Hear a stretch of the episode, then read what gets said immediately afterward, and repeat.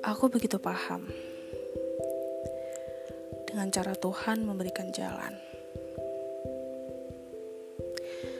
Segala yang kuinginkan tidaklah selalu sejalan dengan pikiran. Kita punya kehendak. Tuhan Sang Maha Pengatur, baik, buruk, terimalah, bersyukurlah. Di sana bukan tempatmu.